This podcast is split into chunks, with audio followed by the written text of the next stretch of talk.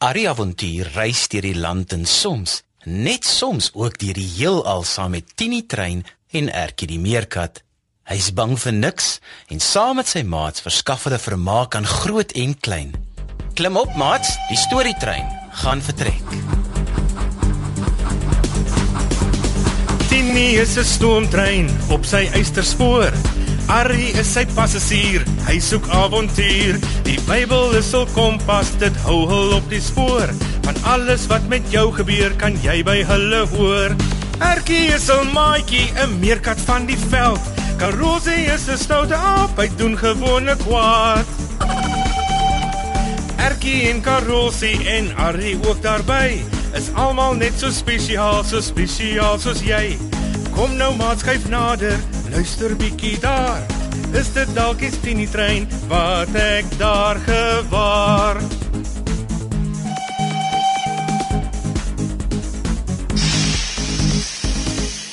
Hallo Karosie. Hallo Ertjie. Rinke ken nie vandag saam met jou aapmaatjies rond nie, hè? Of het hulle nou al almal hulle eie trop om te lei, hè? Nee, Ertjie. Dis te warm. Buitendien, hulle is nog almal seer van daardie bye wat hulle gesteek het toe ons die bye se heuning wou uithaal. O ja, myne is niks meer seerie. Maar aan myne ook nie. Daardie salf wat Arrie ons gegee het vir die bysteke het baie goed gewerk om die seerplekke gesond te maak. Mm, Ek wonder waar hy Arie hulle vandag met Tini trein rond en of ons hulle gaan sien. Maar ek wonder hoekom dit so warm is. Wel, dis mos somer Karosie. Ja, Ertjie, ek weet dit meer kat. Moet tog nie altyd so snipperig met my wees nie. Oh, Dis baie warmer as gewoonlik hierdie tyd van die jaar. Dis al, dis wat ek bedoel het. o. Hmm. Ag nou maar, ekskuus dan hoor. Maar ek stem saam. Dit is besonder warm vandag, ja. Eilik al die hele week en ek kan regtig ook nie onthou dat dit verlede jaar al so vroeg so warm was nie. Nou ja, jy sien. Jy maak verniet of jy altyd slimmer as ek is. Ooh, ah, I know so genadig. Wat vang jy nou weer aan, meerkat? Kan jy nie net stil staan of lê in die skaduwee soos almal wat warm kry nie? Hm? Ek het net op hierdie heuweltjie geklim om bietjie verder te sien.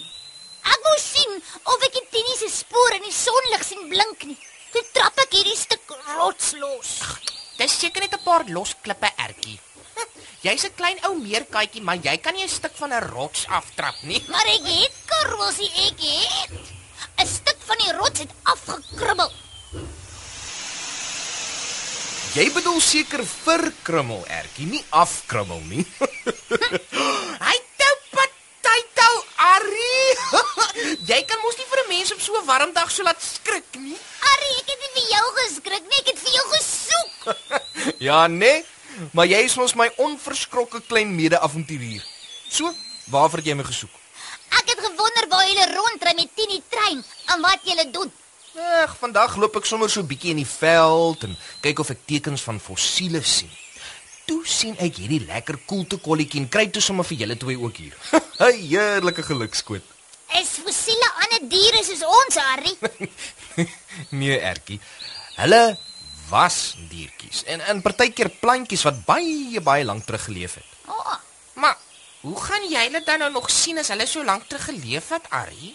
Daar sou mos niks van hulle oor wees nie, veral nie as dit ook so warm was soos vandag nie. Garosie, jy's nie verkeerd nie, maar 'n fossiel word soms gevorm wanneer daar 'n paar dinge saamwerk. 'n Fossiel is 'n lewendige ding wat in klip verander het. Was Lot se vroue fossiel? sy het in 'n soutpilaar verander, nie 'n klippie karosie. Alweer snipperig. Miskien moet jy in 'n fossiel verander. Toe nou, toe nou maar bedaar. Dit neem miljoene jare vir 'n fossiel om te vorm. Jy sien, 'n dier gaan dood en dit word dalk deur sand toegewaai. En wanneer die sagte dele van sy lyf verrot, Presies so. ja, wanneer die sagte dele van sy lyf verrot, bly net die tande en bene. En as daar een is die dop oor. En dit word deur modder bedek. En oor 'n lang tyd by die regte temperature verander dit stadig in klip. Hi, dis amazing. Ja. Ek wonder of ek ook eendag 'n fossiel gaan word. Maar Arrie, ek wil nou nie snaaks wees nie, nee. Maar hoe gaan jy weet of jy 'n fossiel of 'n klip sien as jy so deur die veld loop? Julle voel hoe warm dit vandag is, né? Ja. Ja. Goed. Wanneer die son dan nou so warm bak op 'n rots, raak dit bietjie groter. Ons sê dit sit uit. My ma het uitgesit toe sy my sussie verwag het. maar dit was toe nie so warm nie. Ertjie, okay, okay. Wanneer die rots afkoel, krimp dit weer tot sy oorspronklike grootte. En as hierdie uitsetting en inkrimping gereeld oor 'n lang tyd gebeur, dan begin die rots verkrummel. Hoor jy Karosie, rotse kan afkrummel ga. Huh. Ja, wel dit beteken nou nie jou krummeltjie rots is 'n fossiel nie. Oh, ek het nie daaraan nie. Arrie, Arrie, Arrie, het ek 'n fossiel ontdek. Ag, stadig nou, Ertjie, voor jy jou klein tongetjie insluk. Onthou, die rots krummel nie af nie, dit verkrummel. En soms kan 'n stukkie van die fossiel in so 'n verkrummelde stuk van die rots sigbaar wees, ja. Dan weet 'n mens aan watter omgewing om te begin soek vir die groter deel van die fossiel. Oh, Nou toe. Kom laat ons kyk na jou stukkie rots. Hmm. Ertjie? Ek dink jy het iets hier beet. Ja, dit dit lyk vir my soos 'n triboliet. wat is 'n triboliet? Dit klink soos 'n soort liedjie. 'n triboliet. Triboliet. Nee, ertjie, 'n triboliet is 'n antieke seedier. An antiek. Ooh, wat beteken dit?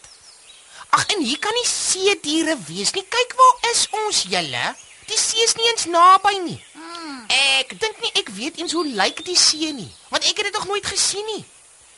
'n Karosie antiek beteken dis baie baie oud. Dis heeltemal moontlik dat die see baie lank gelede hier kon wees. En hierdie seediertjie kon hier agtergebly het. Die aarde het al baie verander oor die jare, hoor. En het jy vergeet dat Arrie ons vertel het dat die hele aarde eers toe was onder die see, toe alles nog donker en woes was. Net so, net so. Jy onthou mooi. Ag, okay. Dis te warm om sulke goed te onthou, hoor. Hoekom stel jy so belang in fossiele, Arrie? Fossiele gee vir ons inligting van diere en en plante wat lank terug geleef het. Soms kan ons agterkom hoe hulle uitgesterf het. Jy weet soos die dinosourusse. Arrie, kan ek en Karosie ook uitsterf? Wel, Ertjie, ek sal graag vir jou nee wil sê, maar eintlik kan ek nie ja of nee sê nie. Hæ? Ek kan vir jou sê dat ek weet dat nie een van ons vir ewig soos ons nou hier lyk op hierdie aarde bly woon nie. Want sien ons liggame is ons tydelik. Wat met al die apies en al die meerkatte gaan gebeur is onseker. Dit hang af. Mm, Waarvan hang dit af, Arrie? Dit hang af van die besluite wat mense maak, hoe hulle die aarde oppas soos God oorspronklik aan Adam en Eva opdrag gegee het. Uh oor al die jare heen het God baie profete gestuur om mense te waarsku wanneer hulle besig was om slegte besluite te maak en dinge te doen wat skade veroorsaak en vir God ongelukkig maak. Het hulle geluister, Arrie? Meeste kere het hulle ongelukkig nie geluister vir alles vernietig was nie, Ertjie. Jesaja was een so 'n profeet. God het vir hom gesê dat mense nie altyd sal luister nie, maar dat hy gewillig moet wees om nog steeds God se boodskap aan hulle te bring. Almal aan boord. Ag nee, moet jy regtig al gaan? Ek het nog vra. Ag, toe maar. Volgende keer, Ertjie, volgende keer. Ek sal julle weer sien. Tata, Arrie. Kom gou weer. Mooi bly, hoor. Bye. Tini is 'n stoomtrein op sy eysterspoor. Arrie is sy passasier, hy soek avontuur. Die Bybel is hul kompas, dit hou hul op die spoor. Van alles wat met jou gebeur, kan jy by hulle hoor. Erkie is 'n maatjie, 'n meerkat van die veld. Karosie is 'n stoute aap, hy doen gewone kwaad. Erkie en Karosie en Arrie ook daarby is almal net so spesiaal, so spesiaal soos jy. Kom nou maat skuif nader, luister bietjie daar. Is dit dalk die Tini trein wat ek daar gewaar? Die avonture van en Ertjie is geskryf deur Elsie Stander. Dit word opgevoer onder spelleiding van Lazelle de Bruin, tegnies versorg deur Neil Roo en vervaar deur Worldwide Media.